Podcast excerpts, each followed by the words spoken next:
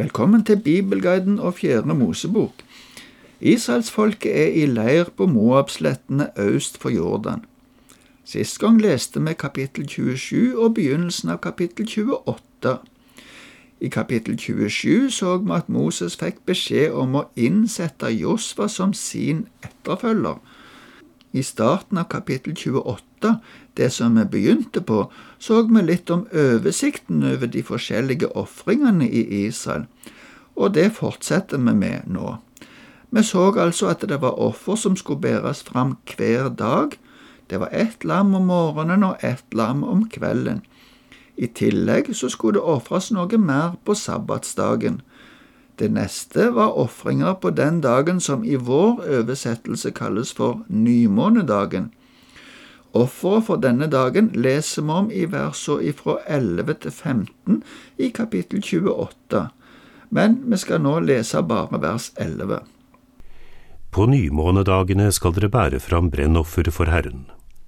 To unge okser, én hver og sju års gamle lam uten feil. Andre bibler oversetter denne dagen med å kalle det for den første dagen i hver måned. Det er ikke sikkert at det handler om slik som månen så ut, altså nymåne på den måten. Vi går ikke mer inn på detaljene om disse ofringene, og heller ikke på detaljene i det neste avsnittet som handler om påsken, og er fra vers 16 til 25. Her skal vi bare lese versene 16 til 18. Den fjortende dagen i den første måneden er det påske for Herren. Og fra den femtende dagen i samme måned er det høytid. Da skal det spises usyret brød i sju dager. Den første dagen skal dere holde en hellig samling. Da må dere ikke gjøre noe tungt arbeid. Den neste samlingen var det som her kalles for førstegrødens dag. Denne høytiden kalles ukefesten, som handler om at det var sju uker etter påske. Noen steder kalles denne samlingen for pinse.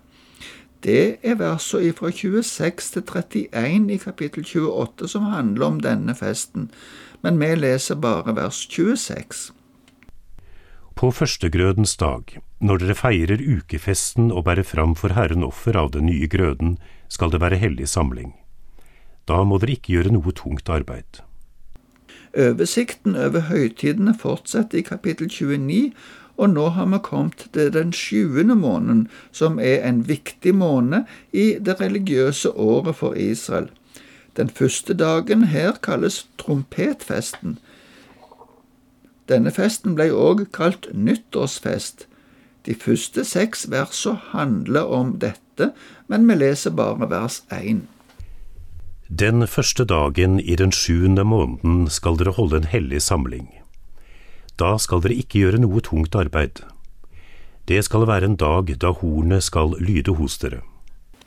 Den tiende dagen i den samme måneden er den viktigste dagen.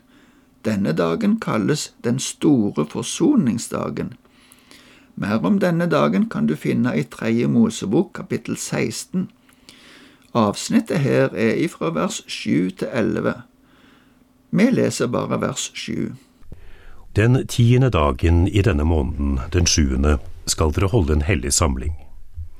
Dere skal vise måtehold og ikke gjøre noe arbeid. Så kommer vi til den femtende dagen i den samme måneden. Da er det tid for den festen som seinere fikk navnet tabernakelfesten, eller sukkot. Her var det ofringer hver dag i åtte dager. Hele resten av kapittelet handler om denne festen. Vi leser først versene 12 til 16. Den femtende dagen i den sjuende måneden skal dere holde en hellig samling. Da skal dere ikke gjøre noe slags arbeid. I sju dager skal dere feire høytid for Herren. Dere skal ofre brennoffer, et gaveoffer til en duft som er behagelig for Herren, 13 unge okser, to værer og 14 års gamle lam. De skal være uten feil. Grødeofferet som hører til skal være hvetemel blandet med olje, tre tiendedels efa for hver av de 13 oksene, to tiendedels efa for hver av de to værene, og en tiendedels efa for hvert av de 14 lammene. En geitebukk skal dere ofre som syndoffer, i tillegg til det daglige brennofferet med grødofferet og drikkofferet som hører til. Først kan vi legge merke til at alle de spesielle ofrene ikke skulle gå ut over det daglige offeret. Som en parentes kan vi si at vårt daglige gudsliv ikke skal endres selv om vi deltar på andre gudstjenester og religiøse aktiviteter. Den første dagen i denne festen skulle de ofre 13 okser, og de neste dagene skulle de redusere antallet med én okse for hver dag, men ellers skulle offeret være helt likt. Det betydde at den sjuende dagen ofra de sju okser, to værer og 14 års gamle lam. Grødeofferet og drikkeofferet skulle være tilpassa de andre ofrene, og så kom den åttende dagen som en avslutning på høytida. Vi skal lese det som handler om denne dagen, ifra vers 35 til 38. Den åttende dagen skal dere holde en høytidssamling. Da må dere ikke gjøre noe slags arbeid. Dere skal bære fram brennoffer, gaveoffer til en duft som er behagelig for Herren, en okse, en hver og sju års gamle lam uten feil. Grødeofferet og drikkofrene som hører til, skal svare til tallet på okser, værer og lam, slik regelen sier. En geitebukk skal dere bære fram som syndoffer, i tillegg til det daglige brennofferet med grødeofferet og drikkofferet som hører til. Som en konklusjon på oversikten over ofringene kan vi lese det siste verset i kapittel 29 og det første verset i kapittel 30. Vi leser disse to versene i sammenheng. Disse ofrene skal dere bære fram for Herren til fastsatte tider, i tillegg til løfteofrene og de frivillige ofrene, enten det er brennofre, grødeofre, drikkeofferet eller måltidsofre.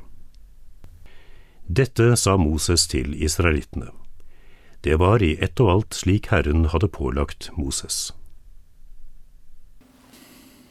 Kapittel 30 handler så i fortsettelsen om lover i forbindelse med løfter som er gitt vers 2 og 3, er en generell og overordna regel som skal gjelde alle. Vi leser disse to versene.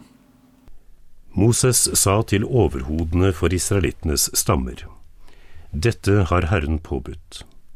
Den som avgir et løfte til Herren, eller med ed forplikter seg til å avstå fra noe, må ikke bryte sitt ord, men gjøre alt han har lovet. I den jødiske kulturen på den tida var det mennene som var overhoder i familien, og derfor var det de som hadde det avgjørende ordet om et løfte skulle stå ved lag eller ikke. Ei kvinne kunne ikke gi et bindende løfte på egen hånd, men det var likevel visse regler som gjaldt.